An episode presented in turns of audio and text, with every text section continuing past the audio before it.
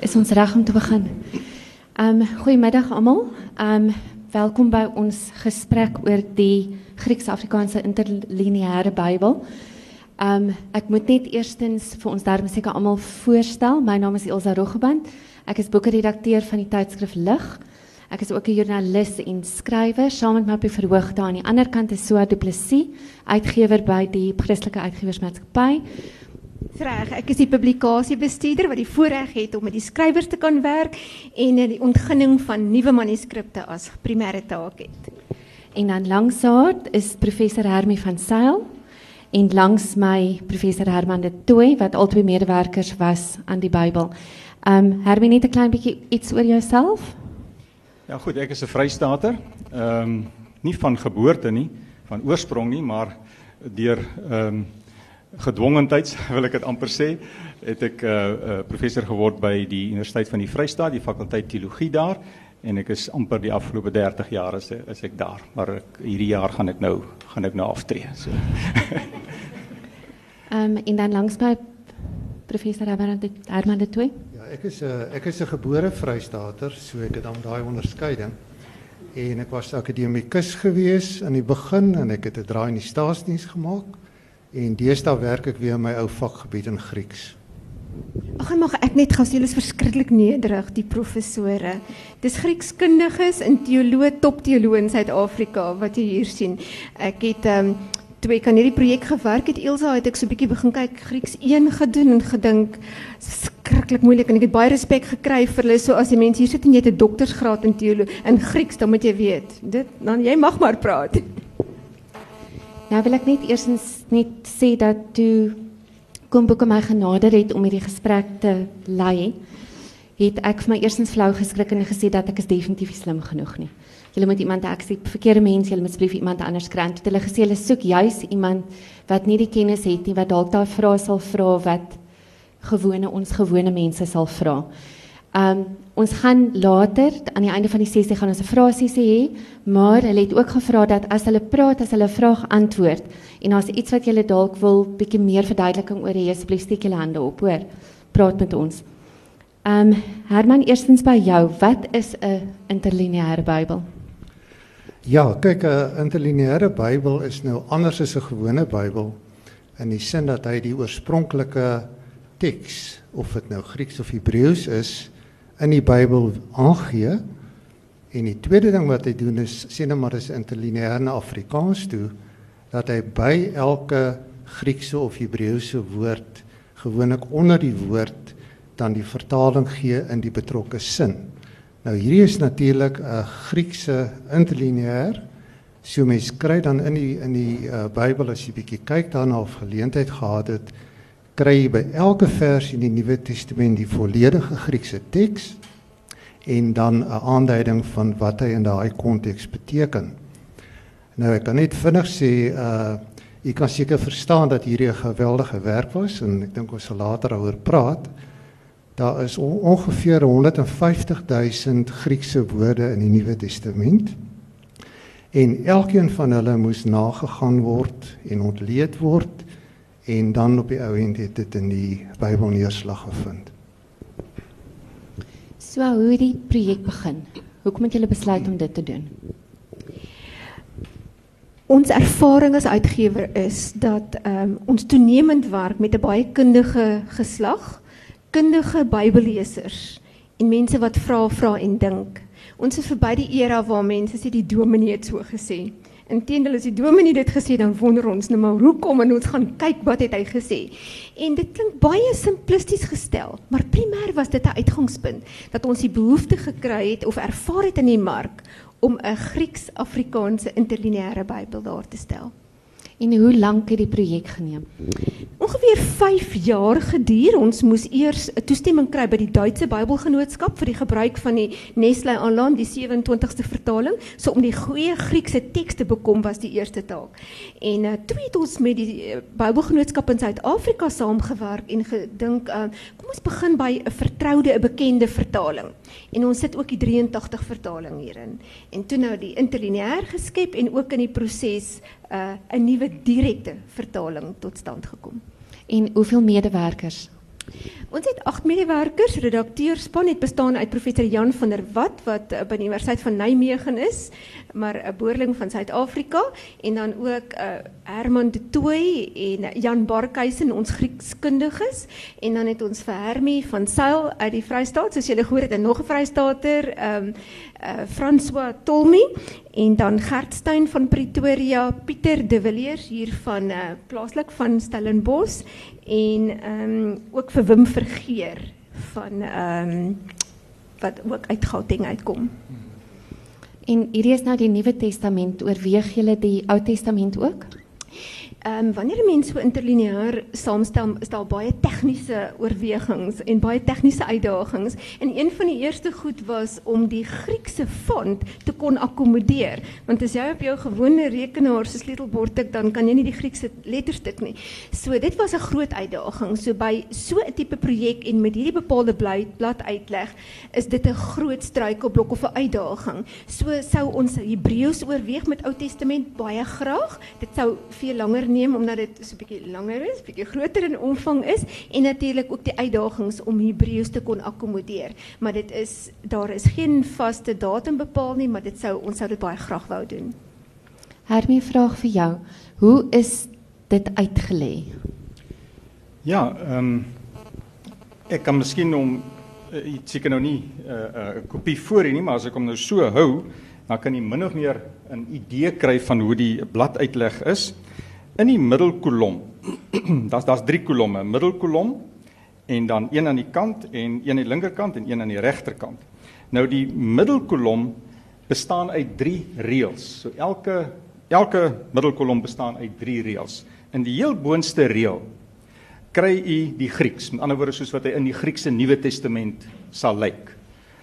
En reg onder die Grieks is daar dan 'n transkribering van daardie Grieks want, want ons aanvaar dat baie Bybelgebruikers van hierdie Bybel sal nou nie die Griekse letters kan kan lees en kan uitspreek nie omdat jy nie die Griekse alfabet ken nie.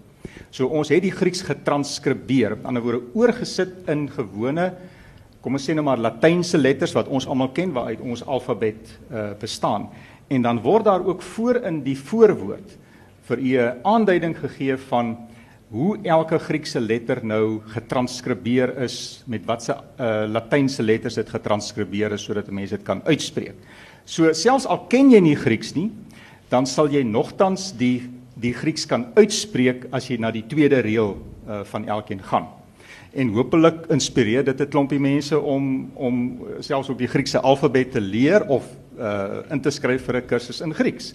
Uh dit is nou alles soos hulle toe kom bevestig ook nou nie so onmoontlik nie.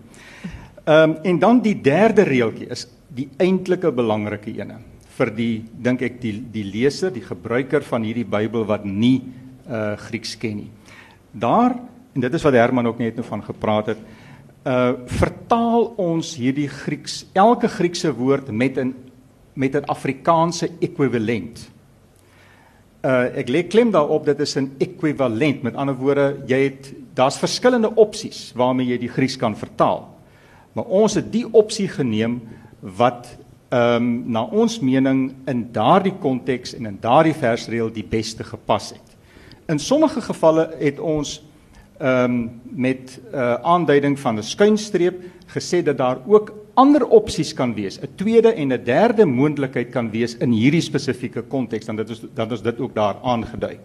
So dit is die derde reël, dis die belangrike reël dink ek vir die gewone Bybelgebruiker wat nie Grieks ken nie. En dan die linker kolom is dan die ander belangrike een na ons mening waar ons hierdie derde reël in die in die middelkolom geneem het en hom oorgesit het in Afrikaans wat ons nou noem 'n direkte vertaling. Maar 'n Afrikaans wat jy darm kan verstaan. Want as jy nou hierdie middelkolom na gaan kyk, daai derde versreël en u lees hom, dan gaan hy nie vir baie na Afrikaans klink nie. Die woordorde gaan nie dieselfde wees nie. Uh daar word woorde herhaal soos wat hy nou in die Grieks uh oorspronklik is. En daarom het ons gevoel ons moet 'n direkte vertaling ook maak sodat jy die brug kan slaan tussen wat in die derde reeltjie is, daai woord vir woord weergawe en dan 'n vertaling wat daar min of meer soos Afrikaans klink. En dit is ook nogal die unieke. Jy gaan nie so 'n vertaling eers ook kry nie. So dit is ons eie vertaling daardie uh wat ons gemaak het. En dan om die bekendheid ehm uh, ook te onderstreep in die heeltemal in die regter kolom, daar sal jy dan die gewone 1983 Afrikaanse vertaling kry. So jy het eintlik toegang tot die Grieks, tot sy weer woord vir woord weergawe om te sien hoe hoe hoe klink hy nou in die Grieks as jy hom nou letterlik vertaal. En dan 'n direkte vertaling wat die bruggie 'n bietjie wat wat wat wat jou bietjie verder oor 'n bruggie neem na iets wat soos Afrikaans klink en dan die 83 vertaling en jy kan hierdie klompie hierdie 3 weergawe kan jy eintlik met mekaar vergelyk om te sien uh hoe verloop die vertaalproses eintlik? Hoe kom jy vanuit die Grieks by 'n vertaling? So hopelik sal 'n Bybelgebruiker daai brug kan slaan. Ek gaan net nou ook so 'n paar voorbeelde gee. Ehm um, juis om vir te wys hoe mens die die Bybel kan gebruik. Maar goed, dit is min of meer hoe die blad uitleg okay. is. Net om vir julle 'n idee te gee, ek het nou gaan kyk na 'n stuk wat ons almal baie goed sal ken, toe ek gaan na 1 1 Korintiërs 13 toe en wat ons so goed ken van toe ek 'n kind was, het ek gedink soos 'n kind en gepraat soos 'n kind is dat as jy kyk na die direkte vertaling is dit ek het gepraat soos kleinkind kleuter, ek het gedink soos kleinkind kleuter, ek het geredeneer soos kleinkind kleuter. Toe ek het geword man, ek het op sy gesit die dinge van die kleinkind. So jy kan nou sien dat daai is die direkte vertaling en dan as jy kyk na die die ander direkte vertaling en dan soos wat ons dit ken. Dis baie interessant. Ehm um, Hermie weer vir jou. Ehm um, watter Griekse teks is gebruik vir Ja. So het ek al net nou verwys van die kopiereg wat wat verkry moes word.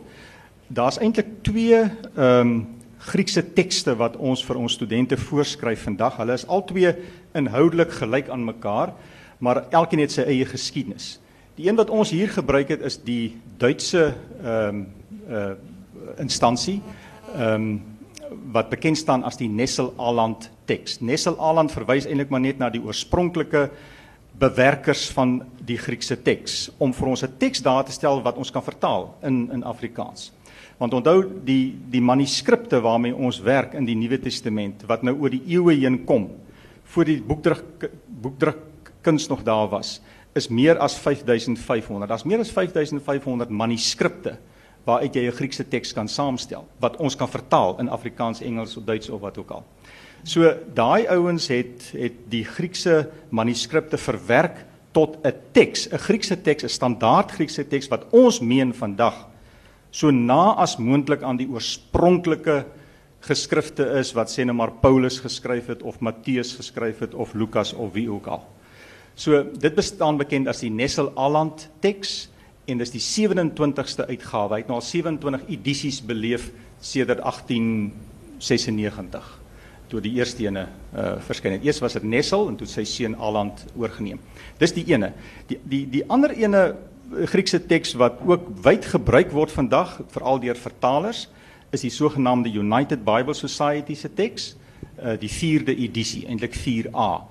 Ehm um, maar inhoudelik is hulle presies dieselfde want die interessante is dat dit dieselfde mense is wat aan die Nessel Alan teks werk wat ook aan die United Bible Society se se teks gewerk het. So mense kan nou dink dat dit uiteindelik min of meer dieselfde is. Daar was hier en daar ehm um, ander mense wat ook bygekom het, maar die die blote feit dat eh, behalwe enkele punctuasie verskille ehm um, dit eintlik wonderbaarlik is dat jy vandag met 'n Griekse teks kan werk wat ons regtig sê deur kundige saamgestel is wat ons meen so naas moontlik aan die oorspronklike uh, manuskrip is wat die oorspronklike Bybelskrywers geskryf het. Herman, ehm um, watter soort Grieks word in die Nuwe Testament gebruik? Die uh Nuwe Testament is wat ons noem Hellenistiese Grieks geskryf.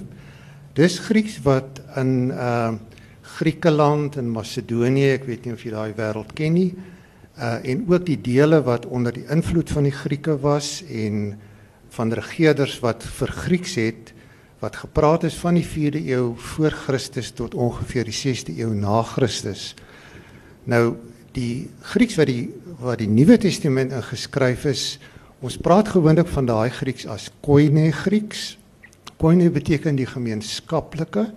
So dis maar die gemeenskaplike Grieks wat oor daai hele bewoonde wêreld ge gepraat is. Dit verskil nogal baie van die ehm um, ou sogenaamde Attiese Grieks. Attiese Grieks was wat hulle in Griekeland voor die 4de eeu voor Christus gepraat het en dis die taal waarna daai pragtige tragedies van die Grieke geskryf het, geskryf is wat vandag nog opgevoer word en wat die groot Griekse filosowe byvoorbeeld ingeskryf het. So ehm um, Koine is het eintlik ontwikkel uit daai Attiese Grieks um, die Attiese Grieks as basis, maar daar het ook ander dialekte bygekom wat in Griekeland gepraat is soos Ionies, Aeolies, Dories en so aan. Nou die interessante van van die Grieks van die Nuwe Testament is dat dit in 'n sin nie of van Koine is dat dit nie 'n suiwer Grieks is in die tradisionele sin nie. Want soos jy weet op die tyd toe die Nuwe Testament ontstaan het, was Palestina natuurlik onder die heerskappy van die Romeine. En Latyn was eintlik die taal van die administrasie en van die regspleging en so meer. En die resultaat daarvan is dat daar baie leenwoorde uit Latyn oorgeneem is wat nou in die Griekse wat 'n Griekse baadjie aangetrek het en in die Griekse Nuwe Testament voorkom. Ek weet nie wie van u dalk 'n bietjie Latyn op skool gehad het nie. Kan ek sien as hier mense? Ja. Nou byvoorbeeld die Latynse woord centurio beteken natuurlik 'n Romeinse offisier of 'n hoofman oor 100. Nou die Grieke het dit die Griekse skrywers het dit het net so ingekom in die koine en daar's 'n Griekse woord centurion wat eintlik net 'n 'n oorskryf is in Grieks. En byvoorbeeld die Romeinse keiser natuurlik in Latyn was Caesar, soos soos jy goed sal weet. En hy is so in Grieks oorgeneem as Caesar. So in die Grieks van die Nuwe Testament is daar 'n hele klompie Latynse woorde. Maar daar's nog meer invloed van die Semitiese tale. Jy weet natuurlik in die tyd van die Nuwe Testament was die spreektaal in Palestina was Aramees en dit was nie Hebreëus nie.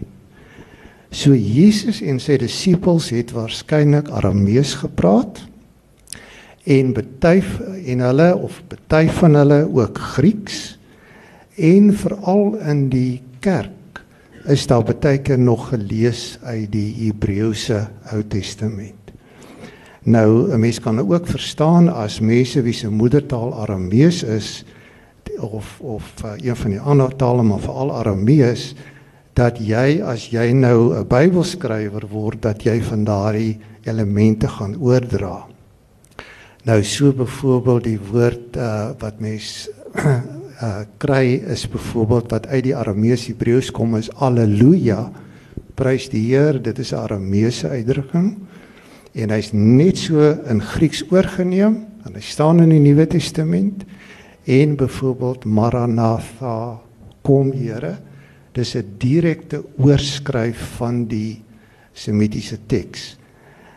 En 'n uh, 'n ander interessante ding is ook dat jy weet met die uh Jode wat hier in die 6de eeu voor Christus weggevoer is na Babelonie en ook die latere Persië het baie van hulle nie meer Hebreëus goed geken nie. En daar het uh, in die 3de eeu voor Christus tot omtrent 100 jaar geneem daai vertaling. So dis dan langer as wat ons nuwe Afrikaanse vertaling seker sal neem. Ehm um, het hulle daardie Ou Testament in Grieks vertaal. Daai Ou Testament, ek ken seker die naam, noem hulle die Septuagint. So die Septuagint het was eintlik 'n Griekse vertaling van die Ou Testament. En in die tyd van Jesus en daarna is die Septuagint eintlik meer gebruik in onder die Christene as die ou Hebreëse Ou Testament. En die die aanhalinge wat 'n mens kry byvoorbeeld uit die Ou Testament in die Nuwe Testament kom almal omtrent uit die Septuagint en nie uit die Hebreëse teks nie. En dan laastens uh interessant, daar is ook uh invloede van ander tale in die Nuwe Testament.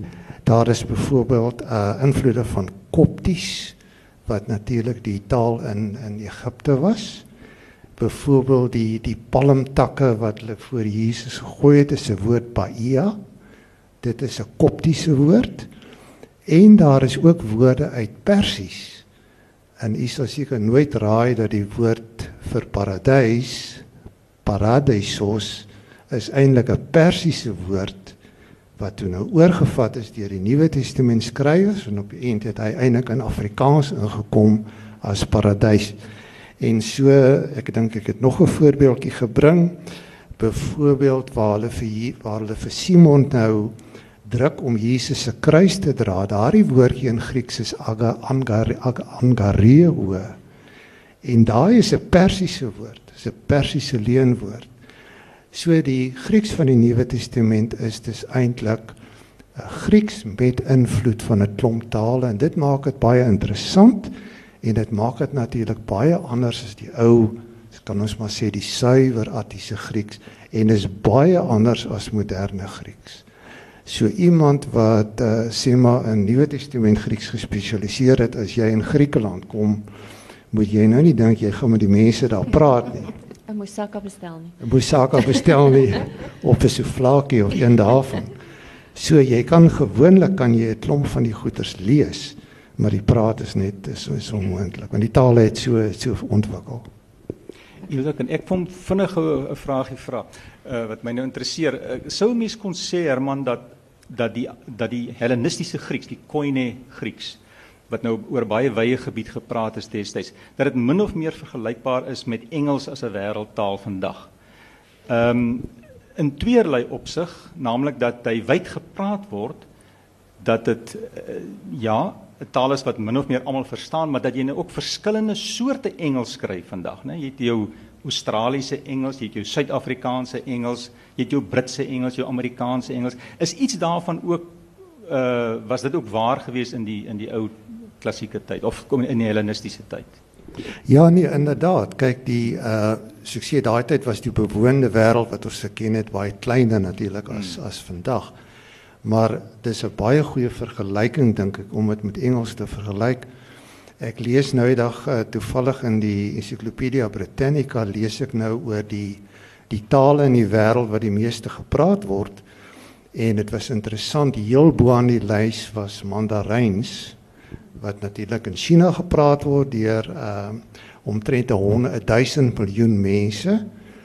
Ja, dit is omtrent 16% van die wêreldbevolking en tweede is Engels, ook 16% van die wêreldbevolking. So 'n geweldige groot mark en mense is nogal verbaas om te sien dat selfs 'n taal so Spaans dis nou net onder byvoorbeeld Hindi en Urdu in in in uh Indië is word deur geweldig baie mense verstaan. Maar inderdaad, Hermie ons weet nie vreeslik baie van die uh ek dink jy bedoel as die die die koine wat in verskillende plekke hmm. gepraat word. Ons weet nie vreeslik baie van die wat die taalkundiges noem die sosio-linguistiese dialekte nie. Hmm. So daar's te min getuienis om te weet of die Grieks wat die koine wat sê nou maar in Jerusalem gepraat is of dit nou verskil van die Griekse en Antiochië en watter opsig. Maar ek dink jy is heeltemal reg gemens kan aanvaar dat so tale werk ontwikkel hulle in hulle in die streke waar hulle is ontwikkel hulle eie karakter en dat mense daai verskille sal kry. Ons het net nie eintlik ja, getuienis ja, daarvan nie. Nee, dankie. Ehm um, hier is 'n vraag vir julle albei. Waar pas so 'n Bybel tussen al die ander Afrikaanse Bybels wat ons het? Is dit 'n akademiese boek? Is dit 'n boek vir 'n gewone mens? Waar pas hy aan tussen tussen jou alle al jou ander Bybels? Ja. Goed, ek ek sal ehm begin daar. Ehm um, as 'n mens 'n 'n lyn trek, 'n spektrum lyn tussen 'n vertaling wat nou baie letterlik is en 'n vertaling wat baie vry is en ek verwys nou net na Afrikaanse vertalings want daar's darmal so 'n paar op die mark. Dan sou 'n mens heeltemal by die letterlike spektrum kon verwys na ons ou Afrikaanse vertaling, die sogenaamde 1933 vertaling wat in 1953 taalkundig uh, hersien is. Ons praat altyd van die 33 53 vertaling. Hy's baie letterlik.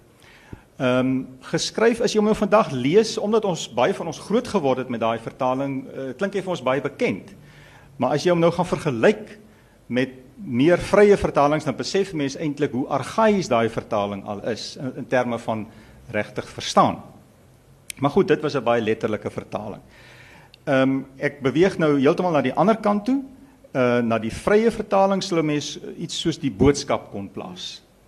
Uh jy ken almal die boodskap ook. Ehm um, hy lees baie lekker. Hy lees soos gewone alledaagse Afrikaans. Jy verstaan hom sommer so van begin tot einde. Ehm um, maar hy's baie vry. Hy's hy's in sommige opsigte amper 'n parafrase. En jy weet daar's 'n verskil tussen 'n vertaling en 'n parafrase. 'n Vertaling probeer so naas moontlik bly aan jou oorspronklike taal waaruit jy vertaal of die die die brontaal. Terwyl 'n parafrase gooi so 'n paar sinnetjies en ekstra in om die ding die argument lekker te laat vloei, maar uiteraard is daar dan 'n hele klomp interpretasie by van die vertaler. So die boodskap sou sou min of meer daar lê. En dan mooi in die middel in die van die spektrum sou mens iets kon plaas soos die 1983 Afrikaanse vertaling wat ons almal nou baie goed ken en wat ook hier in die regterkolom is van die van hierdie Bybel wat ons eintlik uh, noem in in taalkundige terme 'n dinamies ekwivalente vertaling. Hy probeer ekwivalent wees, dit wil sê hy probeer 'n vertaling wees, maar terselfdertyd probeer hy meer betekenis vertaal as wat hy letterlik woorde vertaal. 'n Goeie voorbeeld sal kom uit Psalm 23, nee, is nou Ou Testamenties waar daar in die ou vertaling gestaan het uh u stok en u staf vertroos vertroos my. Terwyl die 83 vertaling uh heeltemal dit omsit in 'n soort van 'n betekenis. Ehm um, wat nie meer die idioom het nie, maar die betekenis uh vertaal. En daarmee saam ook die die nuwe lewende vertaling. Hy sal ook so min of meer daar by die by die 1983 vertaling lê. Ehm um, so as 'n dinamies ekwivalente vertaling, miskien maar so bietjie meer regs van hom na 'n vryer uh vertaling toe. Maar nou hierdie ene. Hierdie uh, vertaling uh sal daar lê by die 1933 vertaling. Baie letterlik. Ons praat nou meer van 'n direkte vertaling. So hy want dit dit is die oogmerk dat jy so na as moontlik aan die Griekse bronteks wil probeer beweeg. So hy sal daar lê. Maar nie met die argaïese struktuur en bewoording wat jy in die 33 vertaling sal kry. Hoe geliefd die 33 vertaling ook al is, het hy al 'n bietjie 'n argaïese ehm um, vertaalstruktuur. Ehm uh, so hy hy lê hy lê so min of meer in daardie ehm um, kader van 'n direkte of letterlike vertaling om vir jou so na as moontlik by die by die bronteks uh uit te bring. So ehm um, miskien moet Herman dalk so bietjie net praat oor jy weet uh wat is nou hoe beweeg jy nou van 'n direkte vertaling? Wat is nou eintlik 'n direkte vertaling en hoe beweeg jy nou van hom uit na 'n meer vryer vertaling of iets iets van die aard? Ja, ek wil net in die begin gesê het, jy weet uh Ek dink 'n uh, probleem wat baie mense vandag mee worstel is ons het nou hierdie klomp Afrikaanse vertalings en daar's een in die kom. Watter een is nou reg? Wat is die beste vertaling? En dit gee vir mense regtig probleme en ek het nou eendag vir so gesê, ek dink 'n baie nuttige boek miskien op hierdie stadium sal wees as iemand 'n boek skryf oor wat is die verskille tussen die verskillende vertalings? Hoe moet mens dink daaroor? Want dit is regtig uh, problematies. Jy weet in uh, ek wil net so 'n paar goedjies sê. Ek dink Hermie het omtrent die die onderwerp gedek, maar jy weet die 1933 vertaling was darm baanbrekerswerk vir Afrikaans. As mens daarom nou dink aan die aan al die pogings van S.J. de Tooy in die vorige eeu die vertalings van dele van van die Bybel Maar daardie tyd was daar 'n baie groot weerstand van kerkmense en veral van die kerkleiding teen 'n Afrikaanse vertaling want vir hulle was die Bybel die statevertaling. En ek dink baie van ons uh, van die ouers uh, natuurlik nou geslagte vroeër uh, het met die statevertaling groot geword en die statevertaling het eintlik hier van na Jan van Riebeeck af het hy was hy vir 'n paar eeue die Bybel en hulle het baie mo moeilik daarvan afgesien en interessant is dat dit eintlik hier in Stellenbosch waar ons nou vandag is waar iemand hierdie ding in die gang gesit het van 'n nuwe Afrikaanse vertaling van die wat toe die 33 een was Hier was 'n lesing gelewer deur uh, Dr BB Keet. Ek weet nie of u die naam ken nie, baie bekende in die in die kerk en ook in die teologiese fakulteit. Hy het hier 'n uh, lesing gelewer en hy het eintlik gepleit vir wat hy genoem het die verafrikaansing van die state vertaling. En toe die Vrystaatse Sinode en 'n hele paar sinodes het ingespring en hulle het begin om dit om daai vertaling, uh, jy weet, in die gang gesit. En uh maar hulle daai vertaling nie uit Grieks en Hebreëus gedoen nie, maar uit die Statenbybel. So hy's uit Nederlands vertaal. En toe het hulle toe hulle na die psalms en die en die ehm uh, die uh, evangelies klaar het wat gewoonlik eers gedoen word in Bybelvertaling hier teen 1922 toe is daar baie weerstand want dit was amper amper Nederlands gewees. Toe begin hulle heel voor en toe vertaal hulle dit uit Grieks en en Hebreëus soos ek dink wat 'n mens moet moet doen. Maar dit was regtig baanbrekerswerk. Maar soos Hermie verduidelik het, is daai tipe vertaling het probleme as 'n mens goeie so direk vertaal. Ek wil net eers sê dat ek dink al die Bybelvertalings in Afrikaans het regtig probeer om getrou aan die bronteks vertaal. Ek dink dit is absoluut so. En ek dink eintlik ons het goeie vertalings. Dis net benaderings wat verskil. Maar die ding is as jy so direk vertaal, dan dan het 'n mens baie probleme. As ek nou vir u mag vra byvoorbeeld, vat nou tale soos Afrikaans en Engels. Hoe vertaal mens nou in Engels direk uit onder deur die tafel gekruip? As mens dit nou so op die woord afvertaal is baie moeilik. Jy sal dit moet omskryf en sê he crept underneath the table and emerged on the other side. En dieselfde probleem is met letterlike vertalings is omdat tale so verskil, uh moet 'n mens aanpassings maak om die betekenis deur te bring. En uh byvoorbeeld interessant, ek het so 'n teks wat uh, bygebring saamgebring wat ek miskien nie kan noem. Uh As jy mens kyk byvoorbeeld na Markus 1 vers 4, daar staan Johannes en is baie letterlik Johannes het die doop van bekering tot vergifnis van sondes verkondig. Nou wat beteken so staan dit in die 33 vertaling, maar wat beteken dit die doop van bekering tot vergifnis van sondes?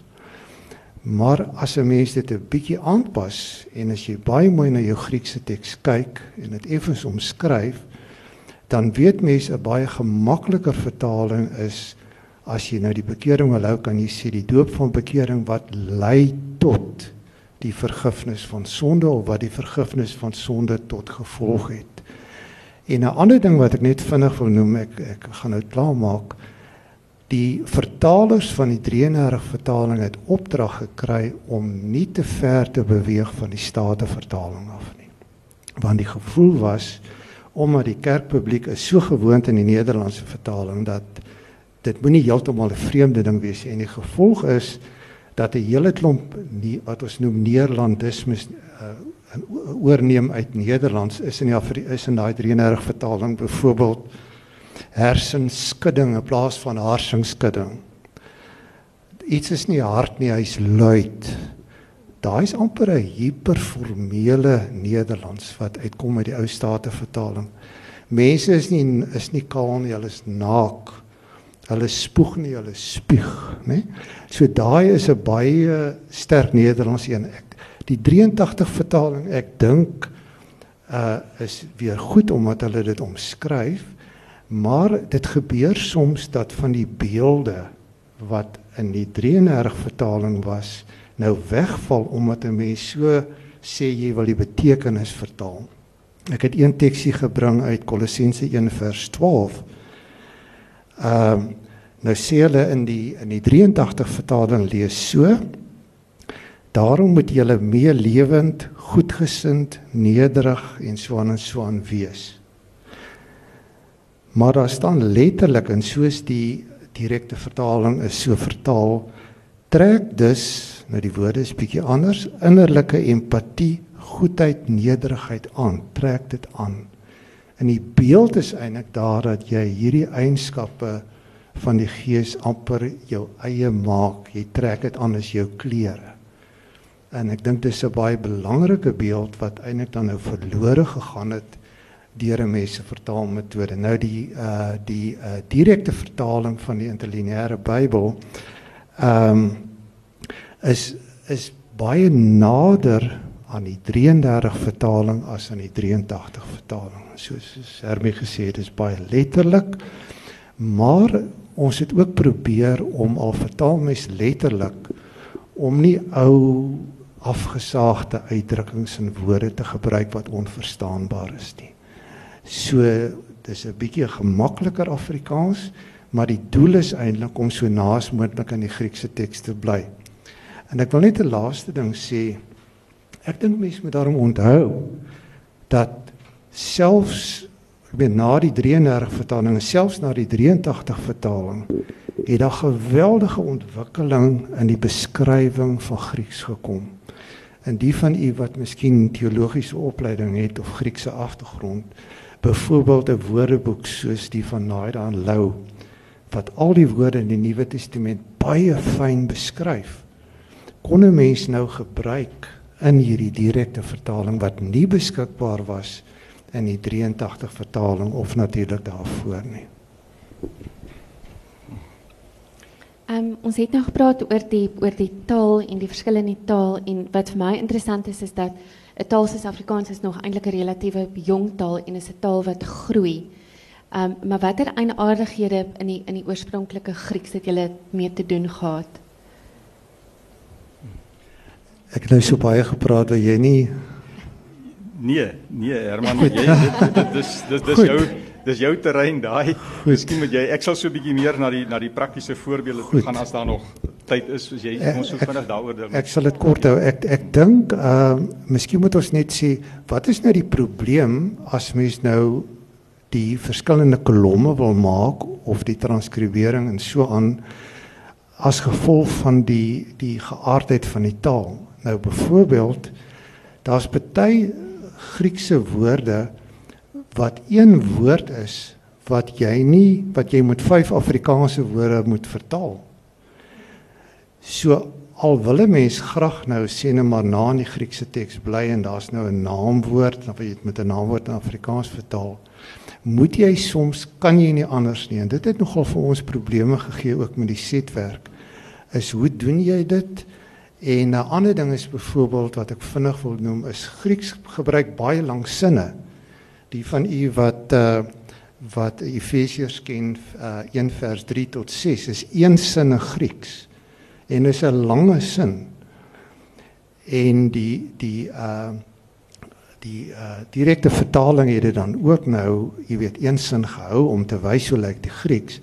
Maar is baie moeilik om te lees en die nuwe Afrikaanse vertaling is nou vir my gevoel daar weer beter want hy breek daai sin op in vier sinne en die betekenis kom baie beter deur. Wie iets bylas? Nee, nee, ek uh, ek dink ons ja, ons, ons tyd is besig om, om ja. te raak. Ehm um, so kan jy vir ons sê as ja. as iemand Bybelstudie doen, hoe gebruik jy hierdie Bybel? Ja. Kyk, uh, soos hulle sê die the, the proof from the of the pudding lies in the eating. En uiteindelik moet moet iemand wat hierdie Bybel koop daarom voel dat dit die moeite werd is wat dit dat dit 'n effek het uh op sy of haar uh Bybelstudie, die manier waarop jy met die met die Bybel omgaan en dat dit ook betekenis het vir jou verstaan uh van die Bybel. Nou, ehm um, ek dink tot sover het 'n mens die die indruk gekry dit is 'n baie tegniese Bybel hierdie en dit is inderdaad ook dit. Uh mens kan nie wegredeneer dat ehm um, dat hierdie Bybel is nie bedoel vir lekker lees nie. Dit is bedoel vir vergelyking om so naas moontlik aan die Griekse teks te kom en van daar uit geïnformeer te raak oor wat wat beteken hierdie eh, betrokke gedeelte uh, nou eintlik.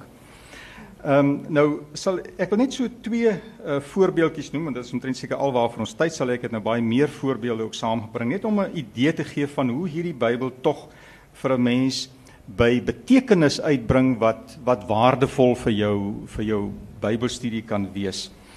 Ehm um, dit is dalk vir die gemiddelde Bybelgebruiker 'n bietjie subtiel, maar as jy dit nou saam gebruik met 'n met 'n kommentaar, dit wil sê iets soos die Bybellenium wat vir jou ook kommentaar lewer op op die Bybelteks, dan dink ek gaan daar 'n klomp goed vir jou uh, duidelik word. Vat 'n teks soos Matteus 28 vers ehm um, 18 uh 19 en 20 wat ons baie goed ken, dit is die sogenaamde groot opdrag waar Jesus sê gaan ehm um, maak disippels van al die nasies, doop hulle in die naam van die Vader en die Seun en die Heilige Gees en leer hulle om alles te onderhou. As jy nie net ek het nou uit die 83 vertaling gelees en die direkte vertaling lei ook amper so. Dan lyk dit asof daar vier opdragte gegee word wat almal op dieselfde vlak lê. Ehm um, gaan na al die nasies toe, is die eerste opdrag. Maak die mense my disippels, is die tweede opdrag doop hulle in die naam van die Vader en die Seun en die Heilige Gees, die derde opdrag en leer hulle om alles te onderhou. Maar as jy nou na ons derde reeltjie toe gaan wat nou die woord vir woord weergawe is, dan kom 'n mens agter dat die ding in die Grieks eintlik so 'n bietjie anders te lê, dat daar eintlik net een hoofopdrag is. En dit is maak die mense my disippels. Dis die hoofopdrag. Al die ander opdragte is eintlik nie opdragte nie, maar is ingebed by hierdie een opdrag. Uh selfs die dit wat sê doop hulle in die naam van die Vader en die Seun en die Heilige Gees, leer hulle is eintlik wat ons noem deelwoorde. Dit wil sê hulle lê ingebed by hierdie hoofopdrag en gee die manier aan waarop die maak disippels gedoen moet word. Met ander woorde, maak disippels van die nasies. En hoe doen jy dit? Jy doen dit deur hulle te doop en hulle te leer. Dis wat jy uit hierdie uh, gedeelte dan kry uit hierdie derde uh, versreël. Terwyl die heel eerste een is die gaan eintlik ook nie 'n letterlike 'n opdrag is nie, maar hy's ook ingebed. Wanneer jy gegaan het en as jy gaan, dan moet jy dit en dit en dit doen. So ek dink dis die waarde wat 'n mens uit 'n Bybel soos hierdie gaan kry. Dat dit vir jou vanuit die Griekse teks by 'n uh, antwoorde gaan uitbring wat die ding net so 'n bietjie op 'n ander uh vlak uh, vir 'n mens bring. Ons moet seker nou uh, Ek dink ons het so 5 minute daar iemand ja, net nou alle hande opgesteek ja, daar agter en daar's nog 'n vraag. Kan ons begin by jou? Kan kan ek net vinnig daarop antwoord? Dit is nou eintlik 'n Ou Testamentiese uh vraag wat nou nie in hierdie Bybel na vore gaan kom nie omdat hierdie is nou net die Nuwe Testament. Maar net interessant, die seuns van van God. Ehm um, is 'n baie algemene term in die ou antieke. Konings is ook seuns van God genoem. Uh al jou groot en belangrike figure is is eintlik gesien as afkomstig van God. Dit het, het 'n goddelike dimensie. Nie dat hulle eens wese met God is soos wat Jesus is nie, maar dat hulle deel is van hierdie hemelse krag en heerlikheid. En daardie teks wat ons in Genesis het, is waarskynlik 'n manier gewees om te verklaar hoekom daar reuse op die op die aarde is. Ekskuus toe? Ja, ja. So die die Bybelvertalers het dit toe goed gedink om nie so seer met seuns van God letterlik te vertaal nie, maar dit eerder na betekenis te vertaal as hemelwesens en so. Daar's nog 'n vraag daar agter. Ag ek wil baie graag daarop antwoord as ek mag. Baie dankie vir 'n baie sinvolle opmerking. Ons het groot waardering daarvoor. Ek wil gou-gou vir ons woordfees vriende net bietjie nog trotser maak op Afrikaans, want dit is so lekker gepas dink ek vir hierdie gehoor.